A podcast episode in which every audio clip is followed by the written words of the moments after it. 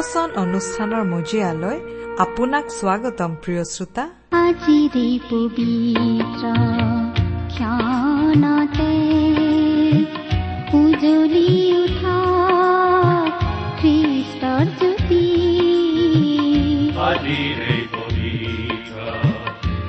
প্ৰিয় শ্ৰোতা আপোনাক পুনৰ লগ পোৱাৰ বাবে অশেষ ধন্যবাদ। ভক্তিবচন অনুষ্ঠানৰ যোগেৰে আমি আপোনাৰ সৈতে বাইবেলৰ বাণীসমূহ আলোচনা কৰোঁ। এই বাণীসমূহ ঈশ্বৰৰ নিশ্বাসিত বাক্য।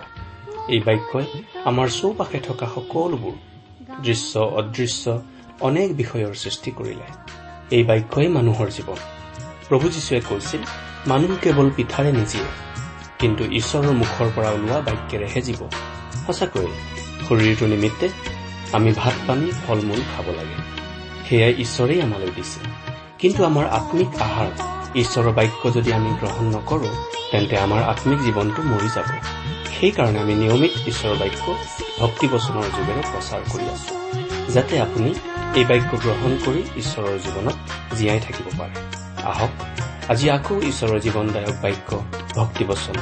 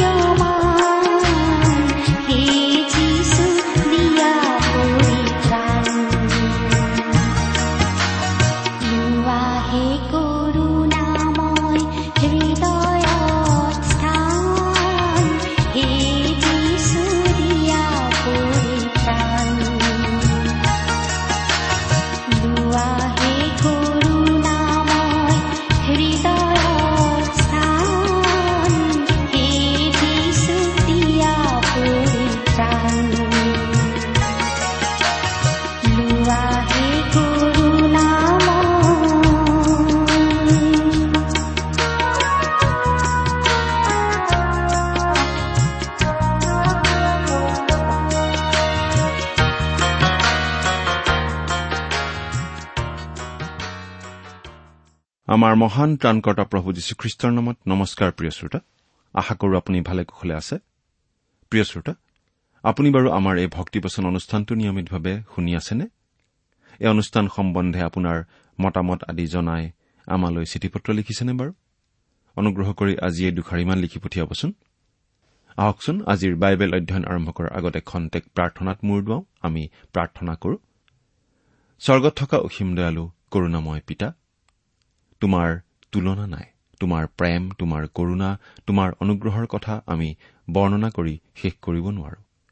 প্ৰভু যীশুৰ যোগেদি তুমি আমালৈ যি অনুগ্ৰহ দেখুৱালা তাৰ বাবে তোমাক অশেষ ধন্যবাদ পিতা। এতিয়া আমি তোমাৰ মহান বাক্য বাইবেল শাস্ত্ৰ অধ্যয়ন কৰিবলৈ আগবাঢ়িছো। তোমাৰ বাক্য তুমিয়েই আমাক বুজাই দিয়া। এই অনুষ্ঠানৰ আৰম্ভণিৰ পৰা শেষলৈকে তুমিয়েই আমাৰ চলাওঁতা হোৱা। অনুষ্ঠান শুনি থকা প্ৰতিজন শ্ৰোতাৰ জীৱনত তোমাৰ মহান অনুগ্ৰহৰ আশীৰ্বাদ প্ৰকাশ পাই উঠিবলৈ দিয়া। কিয়নো এই প্ৰাৰ্থনা আমাৰ মহান ত্ৰাণকৰ্তা প্ৰভু যীশুখ্ৰীষ্টৰ নামত আগবঢ়াইছো।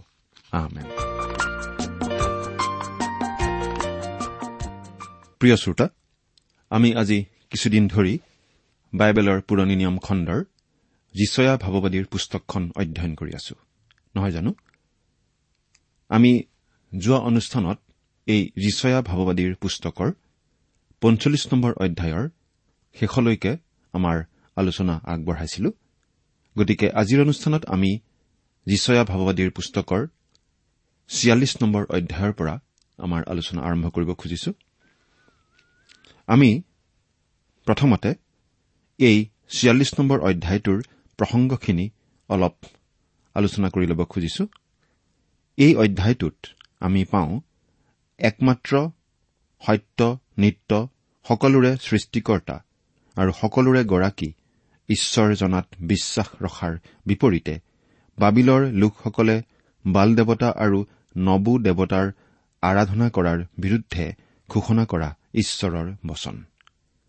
এই অধ্যায়টোত আমি পাওঁ যি সত্যপ্ৰভু নহয় তেনে কোনো দেৱতাক মানুহে প্ৰতিমাৰে বা বিনা প্ৰতিমাৰে আৰাধনা কৰিও কোনো লাভ নাই।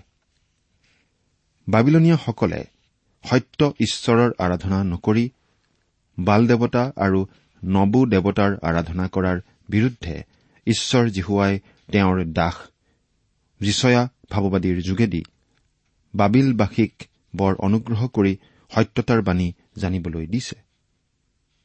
প্ৰিয় শ্ৰোতা যেতিয়া সত্যৰ বাণী পোৱা যায় তেতিয়া প্ৰতিক্ৰিয়াশীল হৈ তাৰ সপক্ষে বা বিপক্ষে কোনো প্ৰতিক্ৰিয়া ব্যক্ত কৰাৰ পূৰ্বেই সেয়ে সত্য হয় নে নহয় তাক জানি নিশ্চিত হবলৈ সেই বিষয়ে অধ্যয়ন কৰি সত্য বা অসত্য প্ৰমাণ কৰাৰ সুযোগ গ্ৰহণ কৰা উচিত। জ্ঞানীসকলে তাকেই কৰে।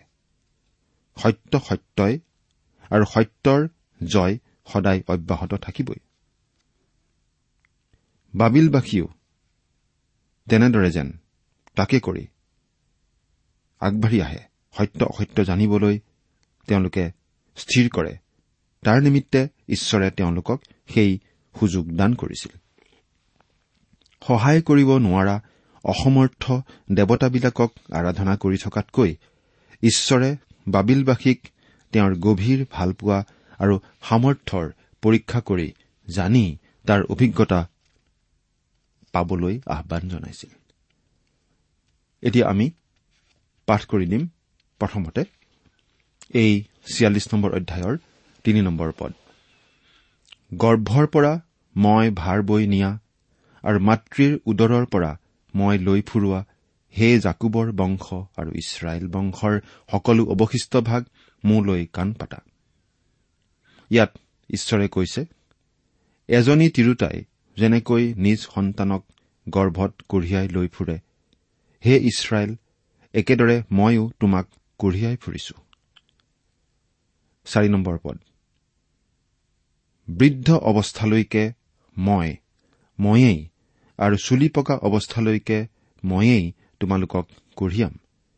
ময়েই নিৰ্মাণ কৰিলো আৰু ময়েই লৈ যাম। এনেকি ময়েই বম আৰু উদ্ধাৰ কৰিম। এই পদটোৰ পৰা আমি প্ৰকৃত সত্যতা আৰু অসত্যতাৰ পাৰ্থক্য জানিব পাৰো। সত্য ঈশ্বৰে কেৱল ইছৰাইল জাতিটোকেই নহয় কিন্তু জাতিটোৰ প্ৰত্যেকগৰাকী ব্যক্তিকেই জোলনিৰ পৰা আৰম্ভ কৰি কবৰলৈকে কঢ়িয়াইছে সত্য ঈশ্বৰে তেওঁৰ সন্তানসকলক কঢ়িয়াই আহে কিন্তু সন্তানসকলে তেওঁক কঢ়িয়াব নালাগে। কঢ়িয়াব নোৱাৰেও। মানুহে জানো ঈশ্বৰক কঢ়িয়াব পাৰে। প্ৰিয় শ্ৰোতা আপোনাক আমি এটা প্ৰশ্ন সুধিব খুজিছো। সেই বিষয়ত আপোনাৰ অভিজ্ঞতাটো কি তাক গম ল'বলৈ আপুনি চেষ্টা কৰিবচোন। কওকচোন প্ৰিয় শ্ৰোতা আজিলৈ ইমান দিনে আপুনি বিশ্বাস কৰি থকা আপোনাৰ ধৰ্মবিশ্বাসটোৱে আপোনাক কঢ়িয়াইছে নে আপুনিহে আপোনাৰ সেই বিশ্বাসটোক কঢ়িয়াই লৈ ফুৰিছে? এই কথা আপুনি চিন্তা কৰি চাব। সত্য ঈশ্বৰৰ ক্ষেত্ৰত কিন্তু চাওক তেওঁ আমাৰ পাপৰ বুজাও কঢ়িয়ায় বাইবেলে এই বুলি কৈছে নিশ্চয় তেওঁ আমাৰ যাতনাবোৰ ললে আমাৰ ৰোগৰ ভাৰ বলে। যিচয়া তেপন্ন নম্বৰ অধ্যায়ৰ চাৰি নম্বৰ পদ। কেৱল সেয়েই নহয় কিন্তু ঈশ্বৰে আমাৰ চিন্তা আৰু আমাৰ মানসিক ভাৰ বুজাও বহন কৰে। বাইবেলে কৈছে তোমালোকৰ সকলো চিন্তাৰ ভাৰ তেওঁৰ ওপৰত পেলাই দিয়া। কিয়নো তোমালোকৰ কাৰণে তেওঁ চিন্তা কৰে। প্ৰথম পিতৰ পাঁচ নম্বৰ অধ্যায়ৰ সাত নম্বৰ পদ। আৰু কি প্ৰিয় শ্ৰোতা? আৰু আমাৰ সত্য ঈশ্বৰে আজিও আমাক বৈ নি আছে আমাক কঢ়িয়াই লৈ গৈ আছে। সেই ক্ষেত্ৰত বাইবেলে কৈছে অনাদি অনন্ত ঈশ্বৰ তোমাৰ বাস কৰা ঠাই আৰু তলত চিৰস্থায়ী বাহু দুখন। তেওঁ তোমাৰ আগৰ পৰা শত্ৰুবোৰক দূৰ কৰিব আৰু কব সিহঁতক বিনষ্ট কৰা। পাঁচ নম্বৰ পদ তোমালোকে মোক কাৰ সদৃশ আৰু কাৰ সমান বুলিলে বা কাৰে সৈতে মোৰ উপমা দিলে আমি পৰস্পৰ সমান হ'ম? প্ৰিয় শ্ৰোতা সেইজনা সত্য ঈশ্বৰক যে ব্যাখ্যা কৰি বুজাই দিয়া বৰ টান তাৰ কাৰণটো হৈছে তেওঁ অতি অসীম ঈশ্বৰ আৰু আমি মানুহবিলাক বৰ সুসীম আৰু অতিপাত সীমাবদ্ধ। এনেকুৱা একোৱেই নাই যিহেৰে আমি তেওঁক তুলনা কৰিব পাৰোঁ। তেওঁৰ প্ৰকৃত অৰ্থ নেহেৰুৱাকৈ আমি তেওঁক আমাৰ মানুহৰ ভাষাৰে কেতিয়াও প্ৰকাশ কৰিব নোৱাৰো। মানুহৰ ভাষাৰে তেওঁৰ বিষয়ে বুজাই দিয়াটো বৰ কঠিন। মানুহৰ ৰূপ লৈ যীশুৰূপে অৱতাৰ ধাৰণ কৰি যে ঈশ্বৰ এই জগতলৈ আহিল আৰু সেইদৰে আহি নিজকে মানুহৰ আগত যে প্ৰকাশ কৰিলে তাৰ এটা কাৰণ এইটোৱেই যে তেওঁ তাকেই নকৰা হলে মানুহে তেওঁক কেতিয়াও জানিব আৰু বুজিব নোৱাৰিলেহেঁতেন। সেয়েহে আজি সত্য ঈশ্বৰক জানিবলৈ কেৱল প্ৰভু যীশুখ্ৰীষ্টত আৰু কেৱল তেওঁৰ যোগেদিহে জানিব লাগিব কাৰণ তেওঁৱেই সত্য ঈশ্বৰক প্ৰকাশ কৰিলে। পদ যিসকলে মোনাৰ পৰা হুৰা হুৰা সোণ দিয়ে আৰু তৰ্জুত ৰূপ জোখে তেওঁলোকে সেইবোৰৰ দ্বাৰাই এক দেৱতা নিৰ্মাণ কৰিবলৈ সোণাৰীক বেচ দিয়ে। সিহঁতে প্ৰণিপাত কৰে এনেকি পূজাও কৰে। ইয়াৰ মূল অৰ্থটো হৈছে যে সত্য ঈশ্বৰক পুজিবলৈ তেওঁৰ কোনো প্ৰতিমাৰ প্ৰয়োজন নহয় আৰু কোনে কেতিয়া সেই সত্য ঈশ্বৰক দেখিলে যে তেওঁ তেওঁৰ প্ৰতিমূৰ্তি সাজিব পাৰে। সত্য ঈশ্বৰক সত্যেৰে আৰু আত্মাৰেহে পুজিব লাগে। তেওঁ আমাৰ অন্তৰৰ আন্তৰিকতা ভৰা পূজাহে বিচাৰে। বাহ্যিক আনুষ্ঠানিক ভজনাত যদি মানুহৰ আন্তৰিকতা নাথাকে তেন্তে সেয়া পতান ধানৰ নিচিনা হয়। কিন্তু আমি সকলো ভজনাকাৰীসকলে মনত ৰখা উচিত যে ঈশ্বৰ কণাহাস নহয় যে আমি তেওঁক পতান ধানেৰে প্ৰবঞ্চনা কৰিব পাৰিম। পদ। তেওঁলোকে তাক কান্ধতকৈ লৈ যায় আৰু নিজ ঠাইত তাক স্থাপন কৰে। আৰু ইথিয় থাকে। নিজ ঠাইৰ পৰা লৰচৰ নহয়। এনেকে কোনোবাই তাৰ আগত চিঞৰিলেও সি উত্তৰ দিব নোৱাৰে। নাইবা সংকটৰ পৰা তেওঁক উদ্ধাৰ কৰিব নোৱাৰে। প্ৰিয় শ্ৰোতা সত্য ঈশ্বৰেহে আমাক আমাৰ দুখ কষ্ট বিপদবিঘিনি অভাৱ অনাটন ৰোগ নৰিয়া ভয় শংকা আৰু ক্ৰদন চকুলোৰ উখুৰা মুখুৰা বাটেৰে বৈ নিয়াৰ অভিজ্ঞতা আমাৰ থাকিব লাগে। কিন্তু তাৰ বিপৰীতে বিনা সহায় আৰু আশীৰ্বাদে পূজাৰীসকলেহে ধৰ্মটোক কঢ়িয়াই লৈ ফুৰিবলগীয়া হোৱাটো জীৱনৰ কি দুখ লগা অভিজ্ঞতা? আৰু ঈশ্বৰে আমাক কঢ়িয়াই নিলেহে আমি আমাৰ জীৱনৰ অদৃষ্ট স্থান পামগৈ। আমি নিজে ওলাবগৈ কিন্তু নোৱাৰো। ঈশ্বৰে আমাক তালৈকে কঢ়িয়াই নিব লাগিব। ন নম্বৰ পদ। আগৰ কালৰ পুৰণি কথা সোঁৱৰণ কৰা। কিয়নো ময়েই ঈশ্বৰ আন কোনো নাই। ময়েই ঈশ্বৰ মোৰ তুল্য কোনো নাই। বৰ দুখৰ কথা যে আজি বহু খ্ৰীষ্টীয় লোকে গীৰ্জালৈ সেৱা উপাসনা আৰু প্ৰাৰ্থনা সভালৈ যোৱাটোক এটা গধুৰ বোজা কঢ়িয়াই ফুৰাৰ দৰে উপলব্ধি কৰে। কাৰণ কি জানেনে প্ৰিয় শ্ৰোতা? হয় তেওঁলোক তেওঁলোকৰ খ্ৰীষ্টীয় ধৰ্মটোক কঢ়িয়াই ফুৰা বৰ দুৰ্ভগীয়া লোক। তেওঁলোকৰ সমস্যাটো হৈছে যে তেওঁলোকক সত্য ঈশ্বৰে কঢ়িয়াই নিবলৈ তেওঁলোকে সেই ঈশ্বৰত নিজকে সমৰ্পণ কৰা নাই। কৰিলে ঈশ্বৰে তেওঁলোকক বৈ নিব আৰু তেওঁ তেওঁলোকক বৈ নিয়াৰ অভিজ্ঞতাটো থাকিলে সেইজনা ঈশ্বৰক ভজনা কৰাটো গধুৰ বুজাৰ নিচিনা নহয় সি হ'ব আনন্দজনক আৰু স্বাভাৱিক। তেওঁলোকেও তেতিয়া ডায়ুদৰ সৈতে এনেদৰে ক'ব পাৰিব যেতিয়া লোকসকলে মোক কলে বোলা জিহুৱাৰ গৃহলৈ যাওঁ হওক তেতিয়া মই আনন্দিত হলো। গীতমালাৰ এশ বাইশ নম্বৰ গীতৰ এক নম্বৰ পদ। প্ৰিয় শ্ৰোতা আপুনি আপোনাৰ ধৰ্ম বুজা বৈ ফুৰা বৃত্তিটো এৰক। ঈশ্বৰে যেন আপোনাক বৈ নিব পাৰে তাৰ বাবে আপুনি নিজকে ঈশ্বৰৰ হাতত সমৰ্পণ কৰক। এতিয়া আহক সাতচল্লিছ নম্বৰ অধ্যায়টোৰ অধ্যয়নলৈ আগবাঢ়োহক এই অধ্যায়টোত আমি বাবিলৰ পতনৰ বিষয়ে তৃতীয়বাৰ পঢ়িবলৈ পাওঁহক। যিচয়া তেৰ আৰু চৈধ্য নম্বৰ অধ্যায় আৰু একৈশ নম্বৰ অধ্যায়ৰ পৰা আমি ইতিমধ্যে দুবাৰ বাবিলৰ বিষয়ে পাই আহিছো। অৱশ্যে ইয়াৰ অধ্যায় অৰ্থাৎ ছিয়াল্লিছ নম্বৰ অধ্যায়টোতো আমি সেই বিষয়ে পাই আহিছো অৰ্থাৎ বাবিলৰ কথাই পাই আহিছো। কিন্তু ইয়াৰ পতনৰ বিষয়ে নহয় বৰং বাবিলে সত্য ঈশ্বৰক ভজনা নকৰি বাল আৰু নবুদেৱতাক ভজনা কৰাত ঈশ্বৰৰ অনুগ্ৰহৰ বাণী শুনাৰ বিষয়ে আমি পালো। এই সময়ছোৱাত বাবিল তেনেই সৰু আৰু তাৎপৰ্যহীন ৰাজ্য আছিল। বিশ্ব শক্তিৰূপে গা কৰি উঠাৰ প্ৰায় এশ বছৰ আগৰ সময় আছিল এইখিনি সময়। আৰু তেতিয়াই বাবিলৰ বিষয়ে এইখিনি কথা কোৱা হৈছিল। ওখ গম্বুজটো নিৰ্মাণ কৰিবৰ সময়ৰে পৰা এই বাবিলৰ অস্তিত্ব দেখা পাওঁ আৰু তেতিয়াৰে পৰা ধৰ্মীয় দিশত ই তাৰ প্ৰভাৱ বিস্তাৰ কৰি আহিছে। প্ৰতিমা পূজাৰ পৃষ্ঠপোষকতা আৰু মাতৃদেশৰূপে এই বাবিল আছিল এই বিষয়ৰ উৎস। গোটেই পুৰণি নিয়ম জুৰি মদ্যপান আৰু প্ৰতিমা ব্যৱহাৰৰ বিষয়ে পৰ্যাপ্তভাৱে ঘোষণা কৰা হৈছে। আৰু এই বাবিলৰ ক্ষেত্ৰত আমি দেখা পাম যে এই দুটা বিষয়েই ইয়াৰ পতন ঘটাব। আমাৰ বৰ্তমানৰ সময়ৰ লগতো ইয়াৰ অৰ্থাৎ বাবিলৰ অৱস্থাৰ সাদৃশ্য আমি দেখা পাওঁ।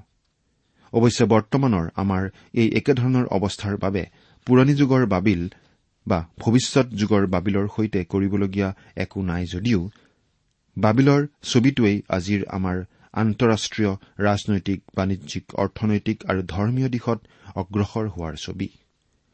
পুৰণি কালৰ বাবিলেই আমাৰ বৰ্তমান আৰু ভৱিষ্যৎ কালৰ বিশ্বৰ ৰাজনৈতিক বাণিজ্যিক অৰ্থনৈতিক আৰু ধৰ্মীয় অৱস্থাৰ যে ছবি তাক আমি আমাৰ অধ্যয়নত পাম। এতিয়া আমি সাতচল্লিছ নম্বৰ অধ্যায়ৰ এক নম্বৰ পদটো পাঠ কৰি দিম। হে কুমাৰী বাবিল জীয়ৰী তুমি নামি আহা। আহি ধূলিত বহা।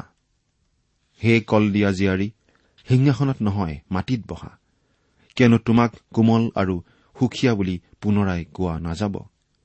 তুমি নামি আহা বোলাটো এটা আজ্ঞা বাক্য কালু আহ আহ বুলি মাতোতে কালু কুকুৰটোৱে নেজ লৰাই লৰাই অহাৰ দৰেই এদিন ঈশ্বৰৰ আদেশত বাবিল নামি আহিবলৈ বাধ্য হ'ব। প্ৰভু যীশুৱেও সাগৰৰ ধুমুহাক সেইদৰেই আদেশ দি শান্ত কৰিছিল। শান্ত হ বোলাৰ লগে লগে সাগৰৰ ধুমুহা আৰু ঢৌ শান্ত হৈছিল। ইমানেই কৰ্তৃত্ব তেওঁৰ এই প্ৰকৃতিৰ ওপৰত। ইয়াত বাবিলক কুমাৰী বোলা হৈছে কাৰণ বাবিলক আক্ৰমণ কৰি এতিয়ালৈকে কোনেও নিজৰ অধীন কৰা নাই। বাবিল এতিয়াহে ধীৰে ধীৰে ক্ষমতাশালী হৈ উঠিব ধৰিছিল।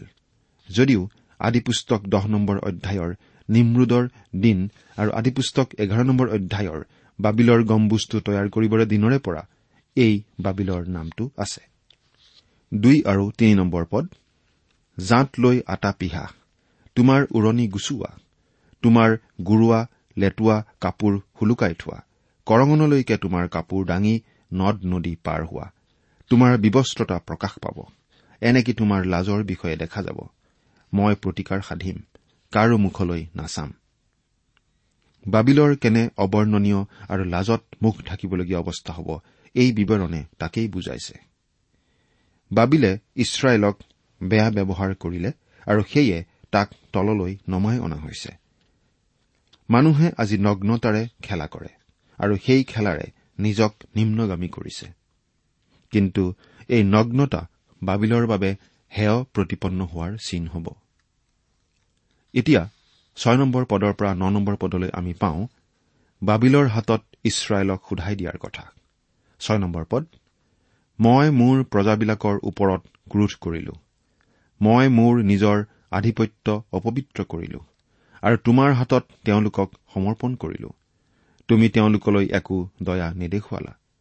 তুমি বৃদ্ধবিলাকৰ ওপৰত নিজৰ জুৱলি অতি গধুৰ কৰি দিলা। ইয়াত ঈশ্বৰে স্পষ্ট কৰি দিছে যে বাবিলে ইছৰাইলক পৰাজয় কৰি বন্দী কৰি লৈ যাব পাৰিছিল তেওঁলোক শ্ৰেষ্ঠ বা শক্তিশালী কাৰণে নহয়। কিন্তু তেওঁলোকৰ হাতত ইছৰাইলক ঈশ্বৰে নিজে সমৰ্পণ কৰি দিছিল কাৰণেহে তেওঁলোকক পৰাস্ত কৰি বন্দী কৰি লৈ যাব পাৰিছিল। কিন্তু বাবিলে হলে নিজে ভাবিছিল যে তেওঁলোকে নিজে বৰ শক্তিশালী আৰু আন সকলো জাতিতকৈ শ্ৰেষ্ঠ আছিল। তেওঁলোকে নিজৰ ক্ষেত্ৰত গৌৰৱ কৰি কৈছিল যে তেওঁলোকৰ নিজৰ শক্তি সামৰ্থ্যেৰে ইছৰাইলক সেইদৰে ওফৰাই দিব পাৰিছিল। কিন্তু সেইটো বাবিলৰ ভুল ধাৰণা আছিল। ইছৰাইলে ঈশ্বৰৰ বিৰুদ্ধে পাপ কৰাৰ কাৰণে ঈশ্বৰেহে তেওঁলোকক বাবিলৰ হাতত সমৰ্পণ কৰিছিল। তেওঁ তেওঁৰ নিজৰ লোকৰ সেইদৰেই সুধবিচাৰ কৰিছিল। মোৰ কল্পনা থিৰে থাকিব আৰু মোৰ সকলো বাঞ্ছা সিদ্ধ কৰিম বুলি শেষত ঘটিবলগীয়া কথা আদিৰে পৰা আৰু এতিয়াও যি সিদ্ধ হোৱা নাই সেইবোৰ পুৰণি কালৰ পৰা প্ৰকাশ কৰি আছো। ঈশ্বৰে নিজৰ লোকৰ সুধবিচাৰ কৰা কাৰ্যই বাবিলক আচলতে ঠগ খুৱাইছিল।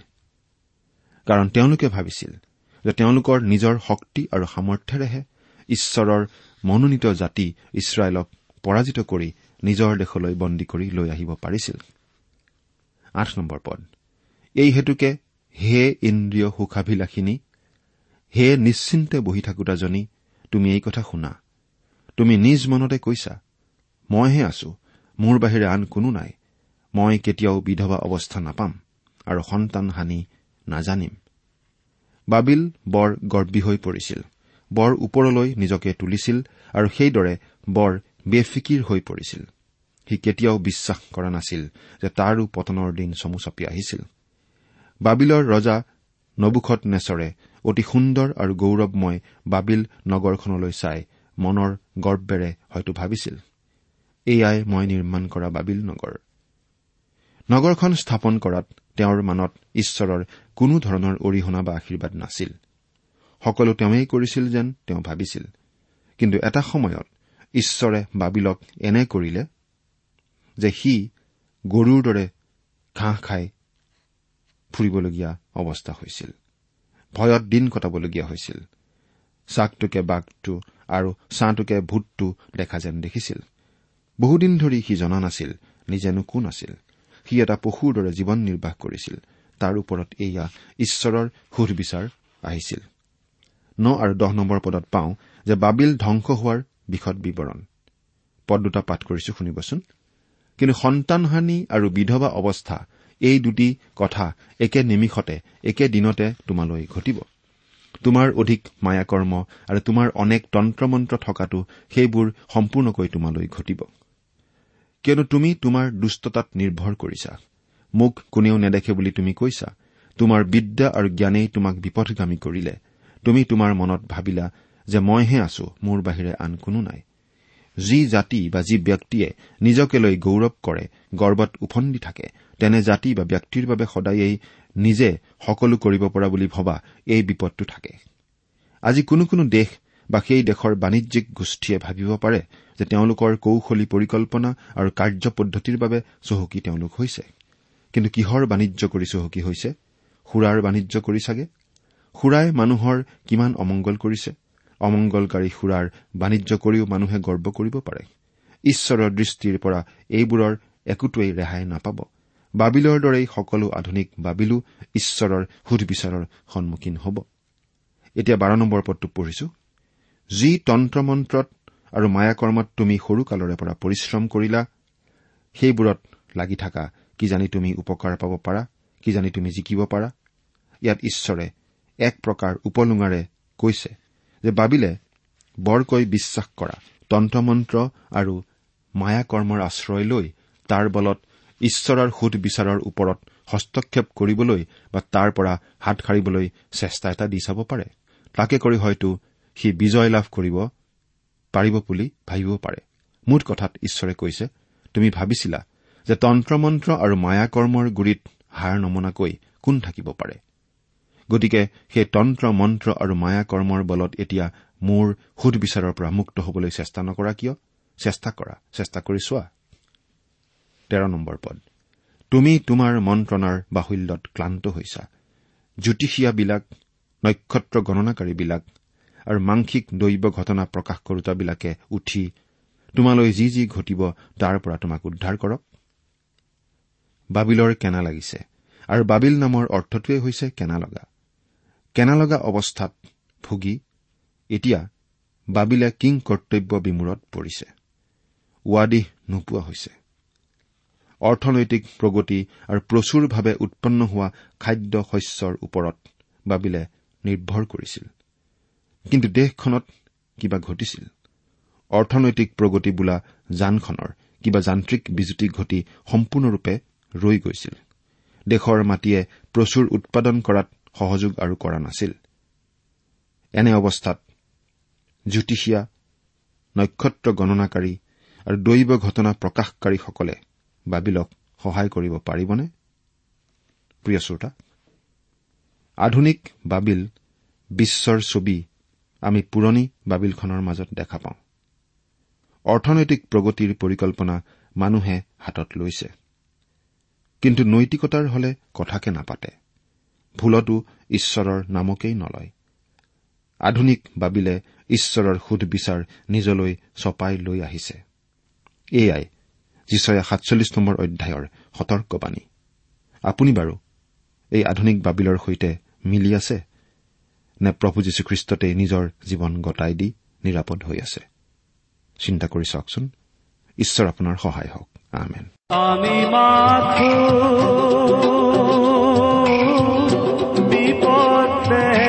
প্ৰিয় শ্ৰোতা ইমান পৰে আপুনি বাইবেল শাস্ত্ৰৰ পৰা ঈশ্বৰৰ বাক্য শুনিলে। এই বিষয়ে আপোনাৰ মতামত জানিবলৈ পালে আমি নথৈ আনন্দিত হ'ম।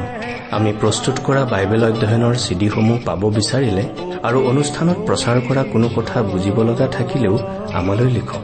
আমাৰ যোগাযোগৰ ঠিকনা ভক্তিবচন ট্ৰান্সৱৰ্ল্ড ৰেডিঅ' ইণ্ডিয়া ডাক বাকচ নম্বৰ সাত শূন্য গুৱাহাটী সাত আঠ এক শূন্য শূন্য এক। ঠিকনাটো আকৌ এবাৰ কৈছো ভক্তিবচন ট্ৰান্সৱৰ্ল্ড ৰেডিঅ' ইণ্ডিয়া ডাক বাকচ নম্বৰ সাত শূন্য গুৱাহাটী সাত আঠ এক শূন্য শূন্য এক।